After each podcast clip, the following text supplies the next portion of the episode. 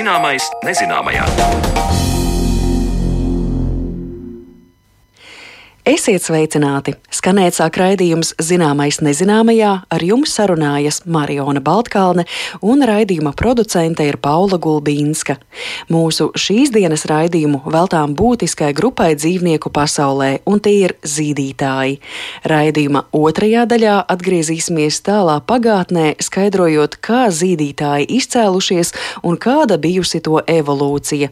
Lai gan šķiet, ka par šiem dzīvniekiem jau tik daudz zinām, pētījumi par zīdītājiem turpinās, īpaši ģenētiskā līmenī, un tie atklātu jaunumus ne tikai par mūsu četrakājienajiem radiniekiem, bet arī par mums cilvēkiem pašiem. Un iespējams, mēs arī gana daudz zinām par dzīvnieku kažokiem, taču sarunās ar pētniekiem allaž atklājas nezināmais zināmajā, tāpēc par dzīvnieku kažokiem stāstīsim raidījuma iesākumā. Putni izmanto spalvas, un lielākā daļa zīdītāju izmanto matus vai kažoku, lai regulētu sava ķermeņa un apkārtējās vides temperatūru. Kā dzīvnieki ar biezu apmetojumu var vienlīdz labi justies siltā un augstā laikā, kā atšķiras dažādu kustoņu apmetojums, par to manai kolēģei Zanēlācei Baltāksnei stāstīs zooloģe Inta Lange. Vispār, ja mēs runājam par matiem, tad zinātnieki ir izpētījuši, ka cilvēks ir vienīgais dzīvotājs, nu tāds mēs pa dzīvotāju grupu skatām, kurām ir Galvas mati aug visu dzīves garumā, un eh, tāpēc cilvēkam ir vajadzīgi friziera pakalpojumi. Citādāk mēs visi būtu noauguši garajā matī. Ja kaut kādā brīdī gan jau tas process apstātos, bet cilvēkam aug mati, nu var teikt, visu laiku aug. Bet nevienam dzīvniekam nav tā, ka viņam izaugtu mati vai krēpes garāks nekā noteiktās robežas. Un vēl ir interesanti tas, ka es lasīju diezgan par šo tēmu, kā tad nu, zinātnieki skaidro šo, kāpēc cilvēkam tāda absolūta atšķirība no visiem citiem, ka mati aug visu laiku. Nu, nu, īsti tur zinātnieki vēl strīdās par šīm teorijām, kāpēc cilvēkam ir tāda īpatnība. Tādu cilvēcisku noti, runājot par dzīvnieku apmetojumu, ievieš zooloģe Inta Lange. Bet turpmākajās minūtēs noskaidrosim, kā dabā dažādiem kustoņiem ir pielāgots ādas virskārtas segums. Pirms par to Inta Lange skaidro detalizētāk, ir jāielāgo, ka spalvas ir tikai putniem. Pārējiem dzīvniekiem ir mati, ko atkarībā no struktūras mēdz dēvēt par kažoku vai apspalvojumu. Mīkstais biezais slānis, kas pasargā dzīvniekus no augstuma, putniem tiek dēvēts par dūnām, zīdītājiem par pavilnu. Akotmati parasti ir garākie un stingrākie mati, kas klāj zīdītāju ķermeni. Šoreiz mēs neskatīsim mājdzīvniekus, kuru kategorijā ietilpst suņi un kaķi ar apmetojumu no vilnas kamoliem līdz plikādaiņiem, jo šie dzīvnieki ir cilvēka veidotas šķirnes. Tātad savvaļas zīdītāji un viņu tā teikt ādas rota. Sākam ar amfibiotiskajiem dzīvniekiem, kuri ir pielāgojušies dzīvei gan ūdenī, gan arī uz sauszemes. Tie ir bebri, ūdri, bizām žurkas. Pirmām kārtām tā ir viņa apmetojuma veids, tādēļ, ka viņiem ir garāki akotmati, bet viņiem ir ārkārtīgi blīva pavilna apakšā. Un viņi ir tik blīva, ka patiesībā viņam dodoties savā zemūdens peldes gaitās, viņam viņa nemaz tā nesamirst. Nu, protams, lai vēl vairāk nodrošinātos, ka viņam nesamirst kažociņš, jo tas ir ļoti svarīgi vienmēr būt sausam, lai būtu silti. Šie dzīvnieciņi mēdz arī savu tauku dziedzerīšiem ierīvēt, jo šis kažoks, kas dzīvniekam patiesībā ir tāds arī arī izdzīvošanas jautājums, bet lai viņš arī nenosautu un vienmēr būtu komfortā, viņam šo kazodziņu vajag tīru un sausu, un lai kažociņš strādātu viņa labā. Un tad viņi ļoti kopīgi. Un arī bēbri, ūdri un tās pašas bīzāmas žurkas ir bondatars pēc savas peldēšanas gaitām izlien krastā. Pirmais darbs ir kārtīgi nopurināties, tur sakopt savu kažociņu, lai viņš vienmēr būtu sauss un ātri izžūt un sagādātu šo ķermeņa normālo temperatūru un komfortu dzīvniekam. Es saprotu, ja mēs skatāmies arī uz roņiem un uz pingvīniem, ka viņiem arī ir tie tauku dziedzeri, tāpēc, ka šie dzīvnieki, zem, liekam arī pingvīns zem nosaukuma dzīvnieki, viņi daudz uzturs ūdenī. Jā, nu, pingvīniem, tā kā viņi ir putni, tad viņiem ir tā sistēma līdzīga tā arī citiem ūdens putniem, piemēram, gūbjiem, pīlēm. Tie putni, kas eh, daudz ūdens dzīvojas, viņiem tiešām arī ir tādi tauku dziedzeri, ar kuriem viņi arī ierīvē savus spāvus, lai viņi mazāk dabū mitrumu, šīs spāvus labāk kāpotu. Bet ronim arī, jā, viņam arī vispār ļoti specifisks šis apmetojums ir, nu, kā tādam kārtīgam ūdens dzīvniekam. Jo, ja mēs paskatāmies uz roņiem kopumā, tad mēs visi zinām, ka roņu mazuļi izskatās pavisam savādāk nekā pieaugušas ronis. Roņu mazulis ir biezu pūkainu, vilnu, pufīgs, mīksts, nu, ļoti skaists. Šie dzīvnieciņi ir tādi mīksti, pufīgi kažociņi, tāpēc, ka viņam nav paredzēts tādā vecumā, ka viņš vispār dodas ūdenī. Viņa uzdevums ir gulēt krastā kaut kur uz ledus vai uz oļiem, un sākumā jau viņa peldēties nedodas. viņa uzdevums ir gaidīt māti krastā. Viņam tāpēc ir jābūt sausam, un lai viņam būtu silti, ir pufīgais kažociņš. Bet tajā brīdī, kad jau ronis, ja mēs skatītos, kā tas roņa mazulis aug, kaut kādā brīdī viņam baltā pufīgā vilniņa sāk iet nost un apakšā izaug pelēks kažociņš, pavisam ar savādāku apmetojumu, tāds pat diezgan stingru, blīvu. Un tajā brīdī, kad viņam pavisam baltais kažociņš noiet, viņš ir gatavs doties ūdenī, un tajā brīdī viņi to arī dara. Un līdz ar to pieaugušam ronim šis e, kažoks ir pavisam savādāks, un viņam tā kopšana arī varbūt nav tik specifiska, jo kažokam vispār ir tāda nu, kā pludlīnija, viņš diezgan blīvs un stingrs, un uh, ronim lielāko termoregulāciju nodrošina zemādas tauku slānis. Kurš ir tāds ļoti pamatīgs. Jā, pamatīgs, un lai pludlīnija būtu eleganta, un lai, lai šis dzīvnieks nenosātu un visu laiku varētu dzīvoties pa augstu ūdeni, nu, dabā viss ir izdomāts līdz galam. Nu, tad, ja mēs skatāmies tālāk uz eh, sauszemes dzīvniekiem, kas ir mūsu klimatiskajā zonā, aļņi, brieži, stirnas, kā viņiem? Viņiem arī uz ziemu uzaug kaut kas biezāks.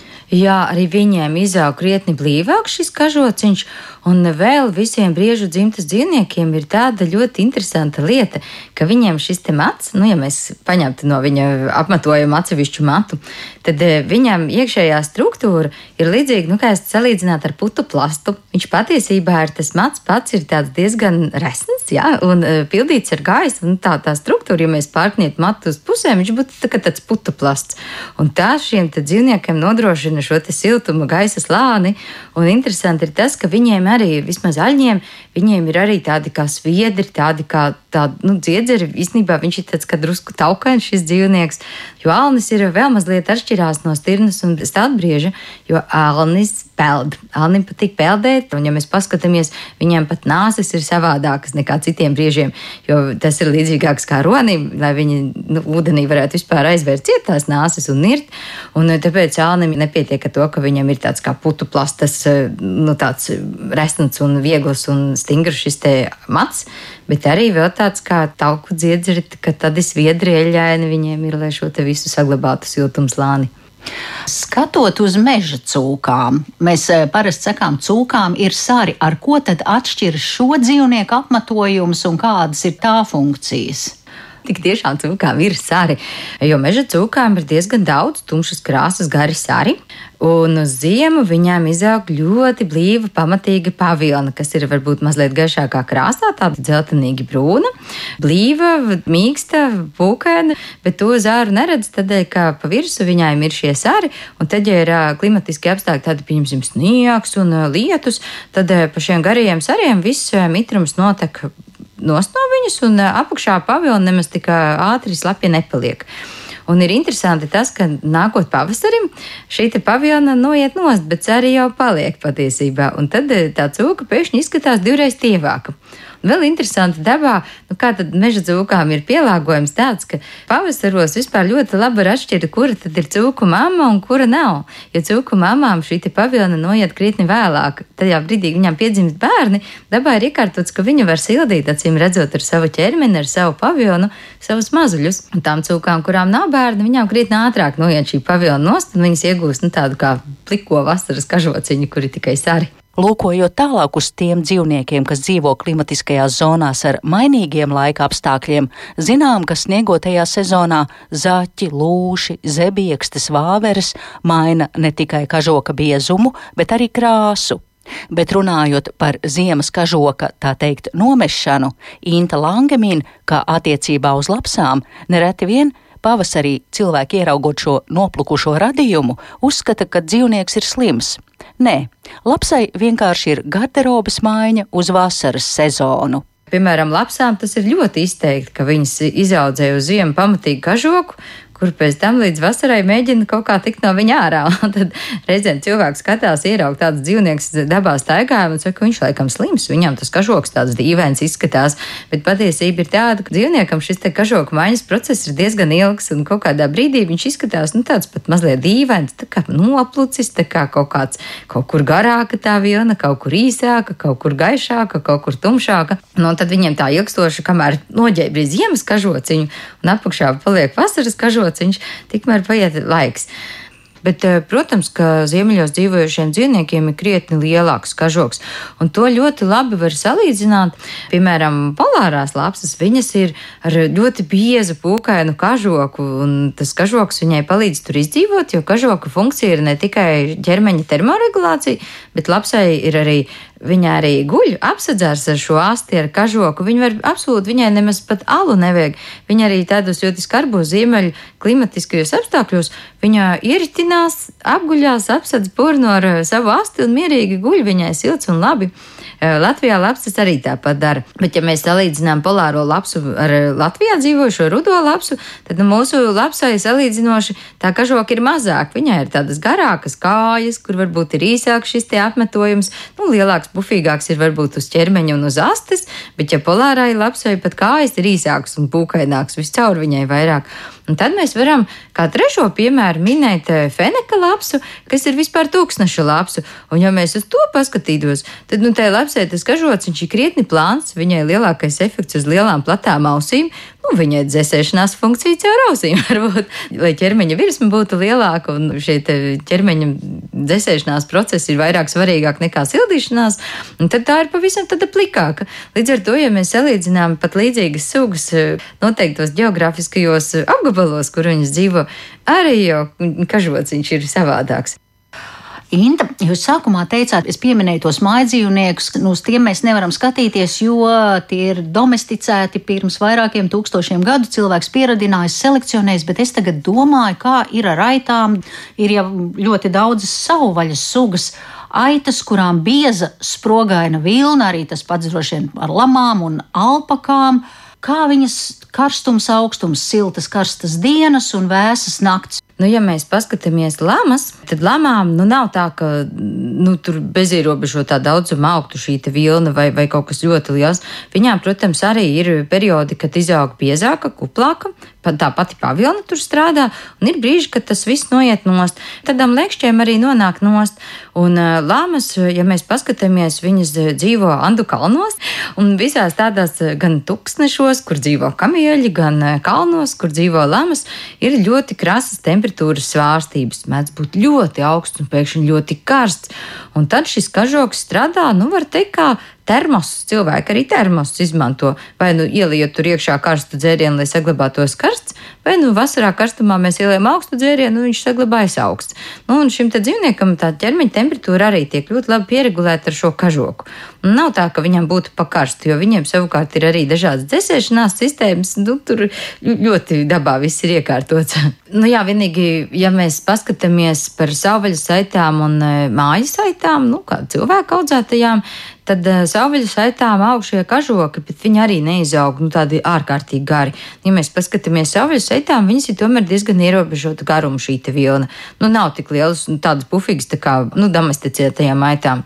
Un domesticētās aitas gan ir tie nabaga dzīvnieki, kas ir pilnībā atkarīgi no cilvēka kaut kādā mērā jo aita pati no šī kažoka vilnas vaļā netiek. Vienīgais glābiņš ir, ka cilvēks viņu šeit nocērp un eh, noņem to vilnu nost, un tad viņai smuka vietā izaug jauns. Bet, ja cilvēks par aitiņām nerūpējas, tad šis kažoks var nodarīt mājas aitai arī ļaunumu, jo tad viņai tur var sasust un pakārst un sāveļās visi tie kažoki, un viņa jau nevar viņu sakopt nemaz.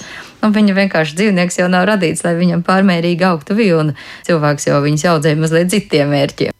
Un kā teica zooloģe Inta Lange, ja mani jautā, kā palīdzēt savvaļas dzīvniekiem pārciest karstumu vai augstumu, mana atbilde ir nekā, jo evolūcijas procesā dzīvnieki ir pielāgojušies savai dzīvei tajos klimatiskajos apstākļos, kur tie mīt.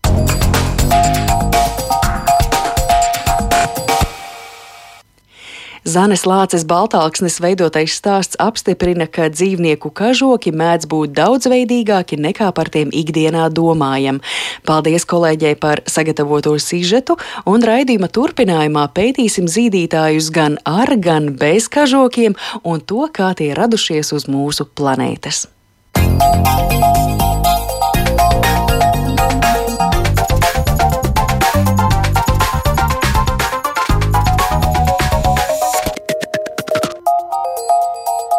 Zināmais nezināmajā. No neliela izmēra strupastēm līdz iespaidīgiem ziloņiem, no miermīlīgiem sliņķiem līdz tīģeriem ar naža asuma ilkņiem, no pīļknābja un ehidnas, kuri dēja olas, līdz ķenguram, kura atvase attīstās mātes somā, un valzirga mazulim, kas pēc piedzimšanas uzreiz var peldēt. Dzīvnieku valsts zīdītāju klasē ietilpst aptuveni 4000 sugu, un tās pārstāvji dzīvo gan pazemē, gan lido debesīs, uzturas gan mežos, gan tūkstnešos, patērē atšķirīgu barību, bet kopsaucējs visiem viens - mazuļus zīdītāji baro ar pienu.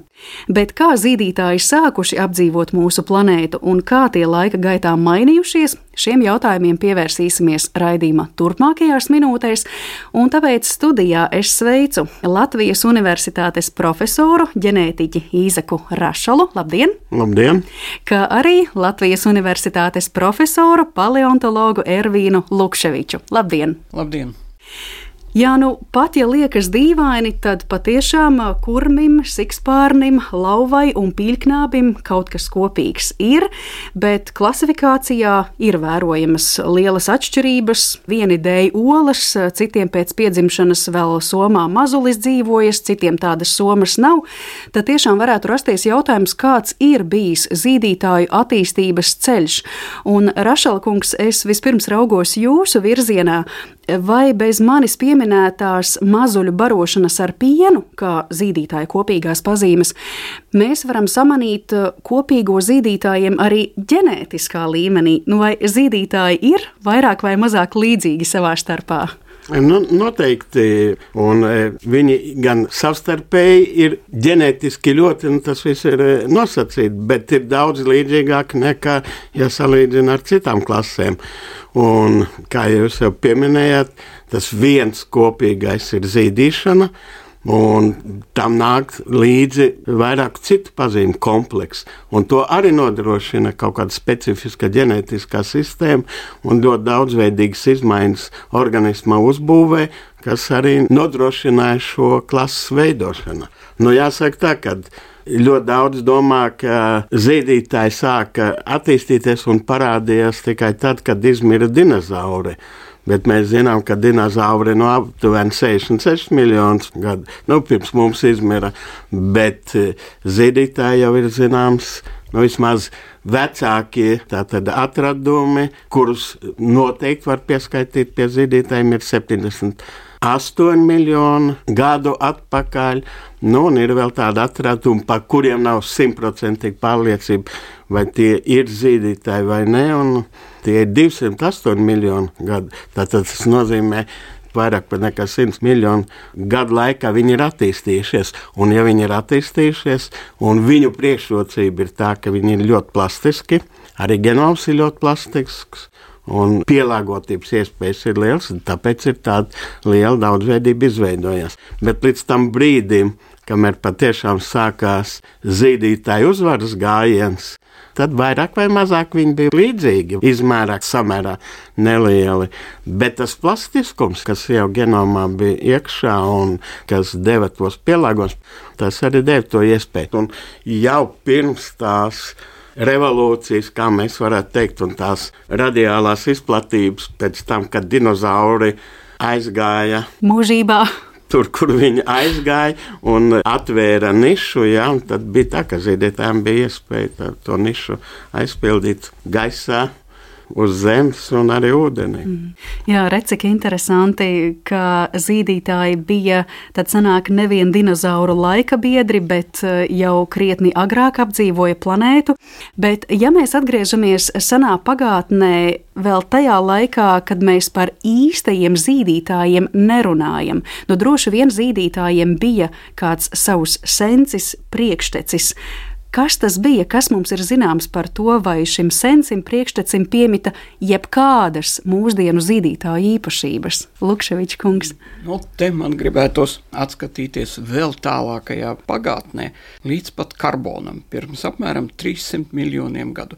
Ne par kādiem zīdītājiem runa neiet. Mm. Tolaik aizmirstam, nebija zīdītāji, bet bija ļoti nozīmīgs posms četrkājienu attīstībā, Jo liela daļa no rāpuļiem, jeb rāpuļu organizācijas līmeņa dzīvniekiem, tā uzmanīgi teiksim, pielāgojoties dzīvei sauszemē, nācās ļoti rūpīgi pārdomāt, ko darīt ar ūdeni. Abinieki un zivis mīt ūdenī. Ekonomēt ūdeni nav vajadzības. Ir vajadzība izvadīt lieko ūdeni no organisma. Savukārt, dzīvojot sauszemē, tā ir problēma. Kā saglabāt vai ekonomēt ūdeni? Un rāpuļi sadalījās jau karbonā divos lielos zaros. Vieni nolēma izolēties. Sausāda, ūdeni neiztvaikojam, bet izdalām tādu nepārāk toksisku vielu, kā urīnskābe, lai gala produktus no sevis izvadītu. Un tie gala produkti ir olbaltumvielu pārstrādes gala produkts. Bet otra rāpuļu grupa, kas ir mūsu un citu zīdītāju senči, izvēlējās citu ceļu.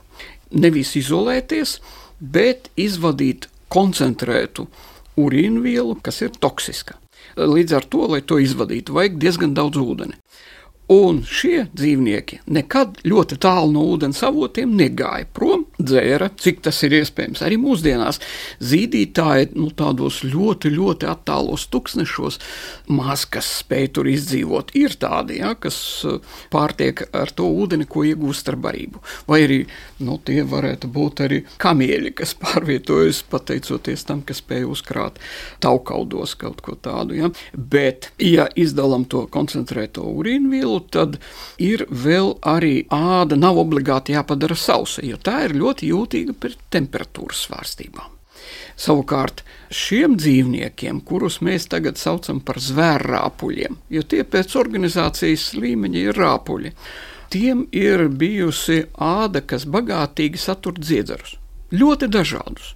Tur ir gan kas matus satur, gan taukus izdala.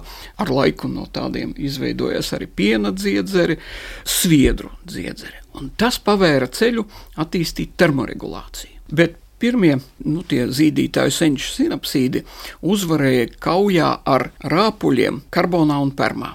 It īpaši tam dēļ, ka karbonā bija karbona beigās apledojums, augsts, tiem, kas spēja termoregulēt, uzsildīties ja, straujāk, tiem bija priekšrocības cīņā par eksistenci. Un perma sākumā arī. Bet vēlāk šie mūsu zīdītāju senči zaudēja karā mezozojā. Jo permā bija karsts, jūrā bija silts, krītā arī diezgan silts un uzvarēja kaujā tomēr dinozauri un tiem līdzīgi dzīvnieki. Pirmie zīdītāji no cinodontu rāpuļiem izcēlās, nu, kā uzskata, nu, diezgan pamatot pēc ļoti dažādām fosīlijām, pirms aptuveni 205 miljoniem gadu. Jo mēs zinām tādu dzimta morganokadontīde, jeb morganukodon. Māziņš dzīvnieciņš, plaukstā varētu būt pat divi garumā, nelielas strupastes vai pat varbūt liela ciršļa lielumā. Kāpēc es saku, ka diezgan droši? Tādēļ, ka ir zināmi žokļi, ausu uzbūve, ir zobi ļoti labi saglabājušies, un pat vesela skeleti ir, kas liek domāt, ka bija arī kažociņš. Bet nesen viena mana laba kolēģe no Brazīlijas, Marta Richtera, bija piedalījusies tādā kompānijā, kas aprakstīja pašu senāko, bet nedroši zināmu zīdītāju, ko nosauca par Brazilodonu. Un uh, uzskata, ka tam ir 225,4 miljoni gadu. Tātad vēl pēc kādiem 20 gadiem senāks. Bet, diemžēl, tas nav droši. Tieši tas, par ko profesors tikko minēja, jo zināms tikai pēc zobiem. Bet pateicoties nejaušībai, laikam, e, trīs komplekti ar žokļiem. Un viens komplekts norāda to, ka notika zobu maiņa. Un tā ir viena pazīme zīdītājiem, zobu nomaiņam. Mums arī piena zobi izkrīt. Un, pastāvīgie veidojas. Divos komplektos ir jaunie zobi un vienā komplektā viena zoba. Tad eh, tas ir tas apliecinājums, kurš mums pierāda, ka lūk, šeit tie zīdītāji sākas. Ja tas zīdītāju stāsts eh, beidzot pa īstam sākas, es vēl eh, klausoties jūsu stāstā, domāju, it kā tas sensis tomēr ir bijis rāpulis, vai ne? Bet ja mēs raugāmies mūsdienās vai vispār zīdītājiem, mēs daudz manām tādas rāpuļu īpašības jo no rāpuļiem ir izcēlušies arī putni. Un tad, kad es raugos uz putnu un, piemēram, savu mājās eh, staigājošo bruņurupuci, es ļoti labi pamanu līdzības. Tur zvīņaina āda, knābis, bet rāpulis un zīdītājs tur tā saiknīte ir, teiksim, tā izplēnējusi, ka tomēr zīdītāji ir aizgājuši šo savu ceļu, lai gan sensis bija rāpulis. Šeit gan no ģenētikas viedokļa ir daudz ko salīdzināt, gan arī tīri morfoloģiski. Vienīgā nu, droša pazīme, kas ļauj saskatīt līdzību, laikam ir tā, ka daži zīdītāji dejo olas. Joprojām kā to tālais, tālais, vēl karbona un perma sensis. Un tie ir tā saucamie kloakaiņi, jūsu minētā ehidna un pīļknābis. Tā būtu tā morfoloģiskā, un Rašalkungs, es saprotu, ka nu, jā. ir arī tomēr ģenētiskā. Tā ir tā lieta, ja, ka mēs precīzi to robežu nevaram novilkt un pateikt. Kad vēl ir rāpuļi, un kad tie jau ir zīdītāji. Un tur jau ir tā problēma arī no paleontoloģijas viedokļa, ka tās fosilijas ir samērā slikti saglabājušās, jeb ļoti maz, un mums tas pārējais periods nav dokumentēts. Nu, laik pa laikam tas atrodas. Vēl sliktāk ir, ja mēs mēģinām pētīt ģenētiku. Mēs zinām, ir tāds jēdziens senā DNS, bet tā senā būs 10, 000, 15 000 gadu atpakaļ, bet eh, runa nav par miljoniem gadu. Skaidrs, DNS degradējās un principā nu, nav dzirdēts, ka no tādām fosilijām varētu izdalīt DNS. Bet mēs spriežam par to, kāda ir bijuši genomi, salīdzinot to, kas ir mūsdienās. Ja? Un tad ir dažādi projekti.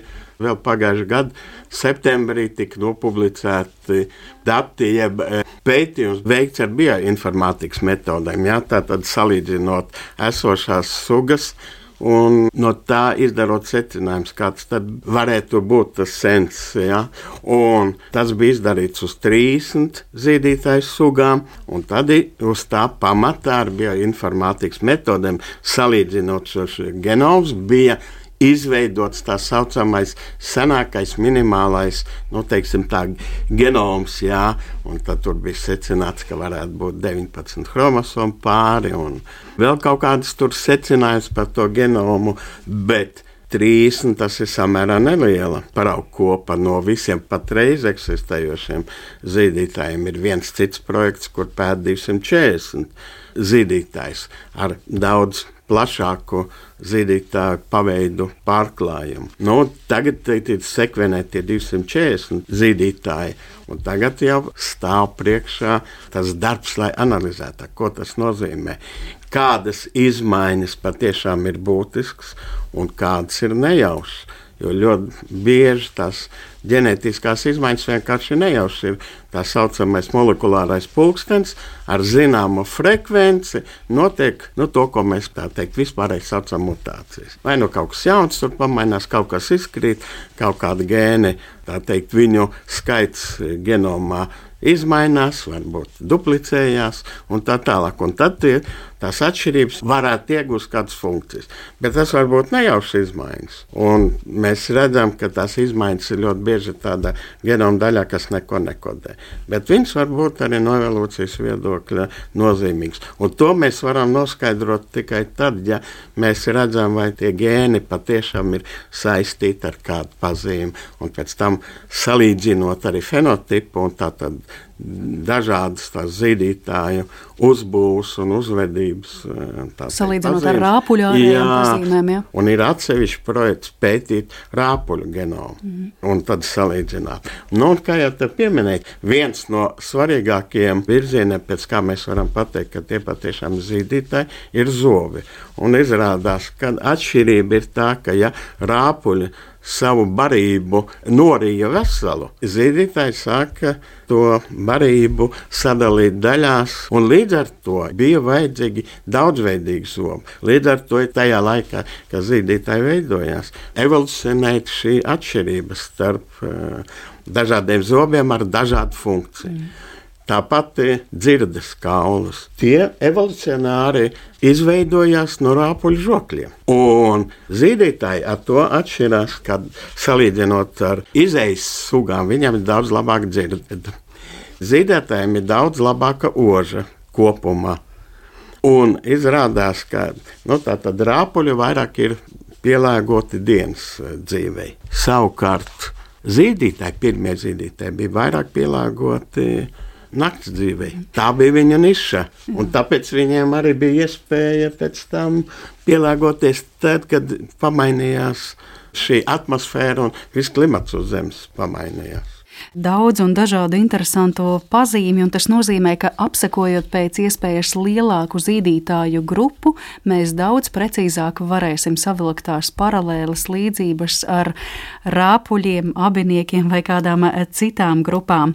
Lukševiča kungs, jūs jau minējāt, ka bija tādi periodi, kad zīdītāji zaudēja kaujās ar citām dzīvnieku grupām, un mēs zinām arī zemes vēsturē, ka ir jā, bijusi šī dinozauru masveida izmiršana pirms gandrīz 66 miljoniem gadu, bet eh, tas nav vienīgais. Zemes vēsturē tāpat ir bijuši vairāki šie karstuma un augstuma periodi, vai tie visi arī ir būtiski ietekmējuši zīdītāju evolūciju? Visi dzīvnieki aptuveni tāpat rēģē, domājams, ja nevar kaut kam pielāgoties, tad jāizmirst. Tas ir ļoti vienkārši. Ja? Mm. Citādi jāpielāgojas.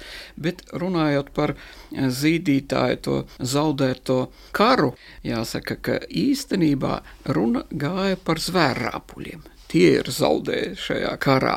Kāpēc? Tāpēc, ka pirmie zīdītāji, kas izcēlās Triasā, es minēju šeit 205 miljonus gadu, kad ir zināmas drošas fosilijas un 225 miljoni gadu vidustrijās. Nu, tad nav skaidrs zīdītāju atliekas. Bet kas notika tālāk? Profesors jau minēja, ka zīdītājiem vairāk raksturīgs tāds, nu, to sauc par nokturno dzīvesveidu, nakts dzīvnieki vairāk. Domājams, varētu būt arī to laiku tā ir bijis, jo tā vieglāk ekonomēt ūdeni, jo ķermenis nepārkarst un nav jāsvīst, bet savukārt nu, var medīt kukaiņus, varbūt sīkus rāpuļus un kādus citus dzīvnieciņus. Un evolūcijas gaitā jūrā izveidojās daudz zīdītāju. Mācību grāmatās mums raksta, ka tad, kad jūrā un krītā dominēja dinozauri, zīdītāji bija visi sīki, nenozīmīgi, mazi Nē, tā tas nebija. Tas tā, Izrādās, lai izceltu tos dinozaurus. Ja? jā, lai izceltu vispirms dinozaurus. Patiesības labad jāsaka, ka starp jūras zīdītājiem neviens nebija lielāks kā foksterieris sunītis. Bija mazāki, bija lielāki, bet daudz. Un praktiski visas grupas izmira, izņemot vienu, un tie ir kloakaiņi. Kloakaiņi radās jūrā, tajā pašā laikā, kad radās pirmie putni. Nu, un tad jūras beigās sekoja neliela izmiršana. To neuzskata par masveida epizodi. Tādas pavisam ir piecas, un zīdītāji ir cietuši laikam tikai vienā būtiskā izmiršanā kopā ar dinozauriem. Bet pēc jūras tādas nelielas izmiršanas krītā turpināja eksistēt dažas senās grupas, nu, piemēram, tur ir daudz auguru zobji, trīs konus, zobji, tādas murgaini nosaukumi bieži vien, ja, ko grūti atcerēties. Gan izveidojās jaunas grupas, tā saucamie eitērija, un pēc būtības, ja mēs arī esam eitērija, kaut to bieži vien piemirst. No tiem tad, no eitēriem, izcēlās placentāļi. Un mēs nu gan esam placentāļi, Tas kā nu zināms, tiesa, ja? jā. kas dzemdē samērā lielus mazuļus. Nu, labi, lācim tas mazulis ir tāds plaukstā ņemams, bet cilvēka mazuli plaukstā nemaz tik viegli nevar paņemt, vai ne? Vai zilonīti. Un otra grupa, kas arī radās krītā, tie ir somaiņi. Iedomājieties, krīts ilga 90 miljonus gadu. Milzīgs laika posms ļoti gara evolūcija. Un um, krītā bija daži zīdītāji, kas nu jau sasniedza ar dinozauriem salīdzināmus izmērus aitas lielumā. Nu, tie bijuši lielākie. Bet jau tolaik ir bijuši gan tādi, kas peldēja, bet tikai upēs, ezeros. Kas raka alas, nu, trūks ziņu, ka kāds lidojas. Acīm redzot, nē. To nu gan. Planējis, varbūt. Nu, varbūt arī Jā, maz Jā, tagad tagad uzskata, ka varētu būt līdzīgi kā lidvāvere no koka uz koka. var- Vai, vai sikspārnis, tad tas ir kaut kas evolucionāri jaunāks. Jā? Tas ir jaunāks. Un spriežot nevis pēc fosīlijām, bet pēc, es tagad iebraukšu jūsu lauciņā, cienījamies profesori, bet eh, DNS evolūcijas pulkstenis, ja tā varētu dēvēt, norāda, ka mūsu senči primāti varētu būt arī izcēlās krīta beigās, kādus 10, 15 miljonus pirms izmira dinozauri. Bet fosīliju nav. Pirmie patiešām primātu senči ir zināmi apmēram pirms 55 miljoniem gadu dzīvojošie pēc fosīlijām. Nu, jā, un šis dinozauru izmiršanas posms bija ļoti dramatisks arī zīdītājiem. Diemžēl visas lielākās formas, kas lielākas par žurku, apmēram izmira. Bet eh, tad, kad atbrīvojās ekoloģiskās nišas, par ko jau iepriekš profesors minēja, zīdītājiem pavērās ļoti plašas iespējas. Un tagad gan uzvarēja ne tikai kaujā, bet arī visā karā, jo sākot ar paleogēnu, zīdītāji sauszemē dominē. Tad tika dots starts. Uh -huh. Un apmēram pirms 55, 58 miljoniem gadu zīdītāju daudzveidība krasi pieaug. Un jūs minējāt reakciju uz klimata pārmaiņām. Ļoti laba ilustrācija tam, kā klimatisko apstākļu izmaiņas varētu ietekmēt tādus eh, dzīvniekus kā zīdītājus, ir eocēns. Eocēns ir laika posms, kas sākās apmēram pirms 55 miljoniem gadu un nepārāk ilgs, bet ar diviem karstuma un siltuma periodiem. Nu, ļoti silts bijis, bet jāsaka, ka nebija pārmērīgi karsts, nebija tūkstnešu tik daudz kā tagad mūsdienās, piemēram, vai kā tas ir bijis Devonā. Un uh, plaši meži. Meži auga gan Austrālijā, gan Antarktīdā, gan uh, Grenlandē, bet mežos zēla un plauka dažādas zīdītāju sugas, bet uh, nepārāk lieli zīdītāji. Termāls optimums, un vietām sāk arī varbūt nedaudz pietrūkt valgmes, vietām parādās atklātie biotopi. Hops, zīdītāji arī tur, un tagad ir iespējams arī audzēt masu. Parības daudz, atklātās vietas, mežā grūti pārvietoties. Nu, ziloņi gan mežos arī dzīvo. Un tad sekoja krass klimata paveicināšanās posms. Oligocēnā klimats visur paveicinājās un sāka arvien paplašināties atklātie biotopi. Radās stepes, pampas, savannas, un tur nu gan, gan zālēdājiem ir bijušas iespējas izaugt līdz lieliem izmēriem pat sešmetrīgie un lielāki, gigantiski, bez ragu degunraģi. Un tad arī nu, tos vajāja samērā liela izmēra. Plēsēji, gan kaķi, gan lāči, vilki, tikai citas sugas dabīgi. Nu, un tad, kad eh, klimats ir īpaši paveicinājās oligocēna beigās, tad uz brīdi nedaudz siltāks bija miocēnā, tas ir apmēram pirms 20 miljoniem gadu. Tie lielie zīdītāji turpināja evolūciju, bet vairs nebija gigantu. Daudzveidība arī pieauga. Un tad pliocēns. Tas ir apmēram pirms nu, vairāk kā 2,5 miljoniem gadu. Vēss, arvien vēsāks un vēsāks. Tad sanāk visu laiku tā līkne tā kā iet uz leju, jā, jā tajā kopš vērsumā. krīta līdz uh -huh. mūsdienām klimats arvien vēsāks kļuva. Un klimata pavesināšana kulminēja jau kvartālā. Tie ir pēdējie 2,58 miljoni gadu ar vairākiem apledojumiem, bet zīdītāji tomēr, redz, pateicoties plastiskumam, spēja pielāgoties tur, kur Indijas zilonim līdzīgs dzīvnieks nonāca izvēles priekšā. Vai nu atkāpties, bet tie nav kur, tad jātaudzē vilna, biezs kažoks, un tā radās mamuti.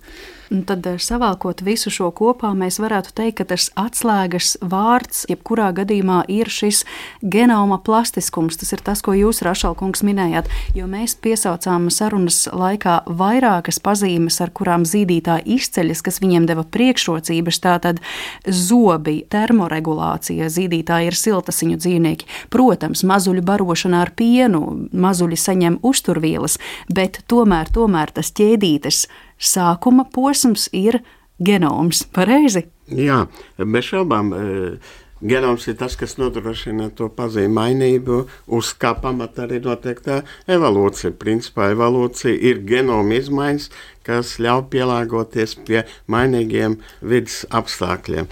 Bet ir vēl viens šis aspekts sakarā ar to, ka mazulis tiek zīdīts, viņam ir nodrošināta jau eksistences līdzekļi jau uzreiz pēc piedzimšanas, līdz ar to, kad ir termoregulācija, ir evolūcijas un stratēģija pamainījusies, pielāgotības. Jā, pirms tam lielākai daļai dzīvnieku tā stratēģija bija radīsim vairāk pēcnācēju, un tad jau lielāka varbūtība, kad teikt, kāda daļa no tiem nonāks līdz briedumam un atkal atražos nākošo paudzi. Tad zīdētājiem stratēģija faktiski ir cita. Radīsim tik daudz pēcnācēju. Mm un rūpēsimies par viņiem tā, lai viņi nonāktu līdz briedumam. Tātad tas enerģiski ļoti efektīvi tie resursi ir. Ir arī citi pielāgojumi, jā. arī tā anatomija mainījās, jā, tas skeleta uzbūve, jo zīšana pati par sevi prasa citu mutes uzbūvi un tālāk sakošļāšana, rīšana. Ja, tas arī ir eh, to izmainījis. Bet tātad tas viss notiek uz genoma izmaiņu bāzes. Un dažreiz nu, teiksim, mēs varam domāt, ja, kad tas nodrošina kaut kāds liels gēnu skaits. Relatīvi neliels. Cilvēkam mēs skaitām tagad 22,000 gēnu. Tātad šo plastiskumu, šo genoma spēju atbildēt uz ārējas vidas apstākļiem. Un līdz ar to pielāgoties, nodrošina gēnu regulāciju. Un tas ir tas, ar ko atšķirās, jo augstāks e, līmeņa dzīvie organismi, viņiem tā regulācijas mehānisms ir sarežģīts. Mēs jau ļoti labi zinām, jā, kad katrā šūnā ir pilns genoms, nu, ar kaut kādiem retiem izņēmumiem šūnām. Bet tie gēni ieslēdzas īstajā brīdī un īstajos audos. Un, ja tev genomā ir tie gēni, kas var nodrošināt dažādas funkcijas, Tad pēc tam ar to gēnu darbības regulāciju mēs varam panākt to, ko vienkārši ar varbūt ar nejaušām mutācijām, kas ir samērā retas. Kad nu, tā mēs varam to pulksteni izmantot, ja mēs tur ļoti ilgos laika periodos skatāmies tās atšķirības, kad ir veidojušās. Bet adaptēties jau vajag organismam ātri. Viņam nebūs simt tūkstoši gadu, lai pamainīties. Ja būs augsts, tad viņš nespēs dažu pauģu laikā, un tad tas suga arī izmirs. Kā bija ļoti daudzveidīgi un skaisti piemēri pateikt. Ja? Un tā tad ir iespēja ātri, un tā ir mode arī runāt un pamatoti par epigenētiku. Ja? Tā tad šīs izmaiņas, kas DNS struktūrā neko nemaina bet maina to gēnu regulāciju. Un klasisks piemērs ir teiksim, suņu daudzveidība. Tā suņu domestikācija aptuveni 15,000 gadu nu, atpakaļ. Ja, tik liela daudzveidība, viens sugas robežās, ko no sākuma nekādīgi nevar izskaidrot. Un tagad mēs zinām, ka tās izmaiņas ir epigenētiskas, tātad gēnu regulācija. Ārvides faktori, ja, kas maina ārvides ģenētiku. faktori, kas izraisa kaut kādas regulācijas, nomaiņas, bet kuras pārmantojas. Un kuras arī nododas nākošām šūnu paudzēm, ka te vajag ieslēgties tam gēnam tieši tajā brīdī, ne citā. Mm -hmm. Teiksim, apmetojuma gēni, jā, nu, kaut kas izmainās. Un tad mamatam parādījās apmetojums. Tur nevajadzēja pat mutācijas. Tur vajadzēja nosacīt, ka tas gēns nebija sabojājies, viņš tur kaut kur klusēja. Un tie ķieģelīši jūs aizbrauciet, teiksim, uz kaut kur uz seno Romu. Jūs neaizbrauksiet, bet aizbrauciet uz Romu, redzēt senos celtnes, jā, vēl antīko laiku. Ir tie paši ķieģeļi. Nu, mazliet tehnoloģija mainās, bet no viena tā paša ķēdeļa jūs varat uztaisīt ļoti daudzveidīgus celtnes, tāpat kā no LEGO. Un tāpat ir kaut kādi gēnu klucīši nosacīti, kuriem, tā teikt, jūs varat viņus sakombinēt ļoti dažādi. Un tāpēc ir tas gēnu ģimenes, un kur tagad ir pierādīts, ka ir vismaz 10% no genoma, kur ir pilnīgi identisks visiem zīdītājiem.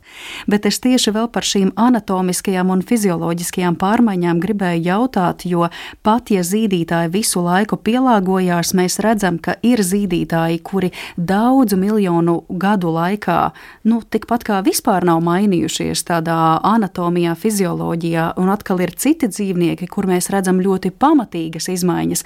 Nu, piemēram, es te pirms eh, raidījuma atklāju, ka ir tāds viens ļoti interesants primāts - tarsīs, dzīvnieks ar milzīgām acīm. Atsābols tiešām atgādina ābolu. Acis ir vienā lielumā ar tarsijas smadzenēm, bet lielākas nekā kuņģis. Un, eh, jā, šis eh, dzīvnieks 45 miljonu gadu laikā šī primātu grupa tikpat kā vispār nav mainījusies.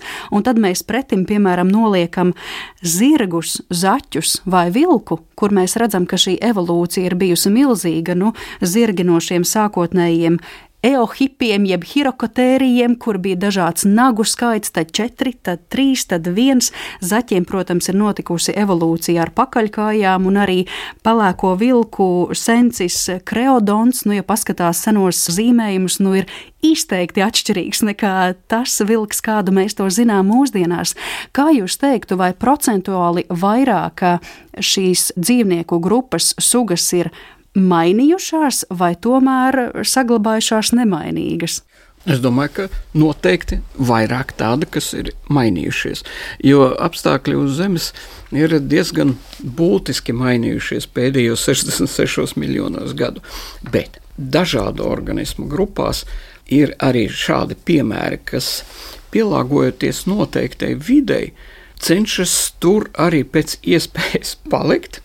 Tā vide konkrētā nemainās. Nu, tie minētie tarsī, piemēram, nu, tie mīt lielākoties vienā un tajā pašā uh, tropiskā meža nogabalā, vairāk vai mazāk, kas uh, šajos nu, apmēram 50 miljonu gadu laikā arī būtiski nav mainījušies. Tad, nu, kāpēc man būtu jāmainās, ja apstākļi nemainīgi? Mm. Viņiem tur ir labi, jo. atšķirībā no zirgiem, zaķiem vai vilkiem. Jā, ar, ar zirgiem ir uh, situācija mainījusies tādējādi, ka pirmie zirgi izcēlās Ziemeļamerikā mežos un tie bija nelieli, samērā primitīvi. Jo tiešām jums taisnība pakaļkājās bija trīs pirksti no trīs nagiem un priekškājās četri pirksti ar četriem nagiem. Bet pakāpeniski es jau minēju to, ka mežus vietām nomaina atklātie biotopi, nu radās savannas un pampas un zirgiem. Tad atšķirībā no tarsiem, kas dzīvo nemainīgā vidē, tagad ir iespēja izvēlēties, vai nu tu ej ārā no meža, ārpus meža noslēpties nevar, tad jāskrien. Labākā aizsardzība ir bēgot, vai, ne? vai arī uzbrukot, bet tā kā zirgam nav ar ko uzbrukt īsti, nu tad attiecīgi pielāgojoties ātrāk skriet. Iemantoja gan lielākus izmērus, gan pakāpeniski samazinājās pirkstu skaits, kas ir nu, lieka greznība ātri skrienot labāk atbalstīties uz viena naga, kā to dara mūsdienu zirgs. Gribētu piebilst, ka pielāgošanās mēs varētu saklasificēt tā lielās divās grupās. Ir plaša pielāgotība, piemēram, zīdīšana, jā, teiksim, plaušu attīstība, un ir vairāk vai mazāk šaurāka specializācija. Un tad tā suga, ja tā niša nemainās, viņa var eksistēt ļoti ilgu laiku, bet ir tādas vispārējās pielāgotības pazīmes, kur tas ļauj tai sugai pēc tam evolucionēt atšķirībā no vidas. Viņa var gan tā teikt, aiziet uz siltākām, uz augstākām vietām. Organisms var pielāgoties, augot un kļūstot kā zilonis. Nevienām neuzvarams, ja zilonis, viņš var kļūt mazāks un kaut kur slēpties. Viņš var skriet ātrāk. Ja? Līdz ar to ir svarīgi e, šīs adaptācijas, kuras var būt vispārējas un specializētas un izdzīvot tās plašās grupas, kurām tās nav šaurā specializācija, bet plašāk. Un tad, kā saka, ir izvēle.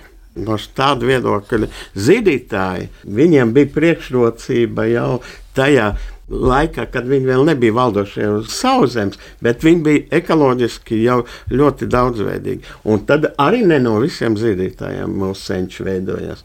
Un mēs nevarētu, varbūt var teikt, diemžēl, varbūt ne diemžēl, varbūt viss liekais Varbūt par laimi. Varbūt par laimi. Jā. Nu jā, zīdītāji tiešām ļoti interesanta dzīvnieku grupa, un droši vien tāpēc ir tik ļoti arī nepieciešami šie ģenētiskie pētījumi, lai ne tikai saprastu, kā tad zīdītāji ir evolucionējuši un kam tie ir līdzīgi, kā mēs te jau pirmīt runājām par rāpuļiem, bet droši vien arī, lai precīzāk definētu zīdītāju klasifikāciju, jo manis pieminētais starsīs ir viens no īpaņiem, par kuru zinātnieki strīdās, kādā tad primātu kategorijā tarsiju ierindot. Droši vien arī, lai labāk saprastu geogrāfisko zīdītāju migrāciju, un tie varētu būt vēl arī uh, citi faktori. Tā kā droši vien mēs pēc īsāka vai garāka laika posma atkal varētu tikties studijā, lai saprastu, kas jauns ir uzzināts um, sekvenējot eh, zīdītāju genomu un ko mēs jaunu zinām par to evolūciju, migrāciju, fizioloģiju un citām pazīmēm. Kungi, es jums abiem saku lielu paldies par eh, šīs dienas eh, sarunu studijā, par to, ka izgaismojāt to, ka zīdītāji patiesībā uz mūsu planētas ir bijuši krietni senāk nekā mēs domājam un ieņēmuši būtisku vietu uz planētas skatuves. Paldies par sarunu šīs dienas viesiem, un es atgādināšu, ka tie bija Latvijas Universitātes profesors, ģenētiķis Īzaks Rašals un Latvijas Universitātes profesors, paleontologs Ervīns Lukševičs. Un ar to arī mūsu šīs dienas raidījums izskan. Par to parūpējās producente Paula Gulbīnska, mūziku šai stundai izvēlējās Girts Bišs, skaņu režijā bija Kristīna Delle un Mariona Baltkalne pie mikrofona. Lai jums veiksmīgs dienas turpinājums! Jums un uz drīzu sadzirdēšanos!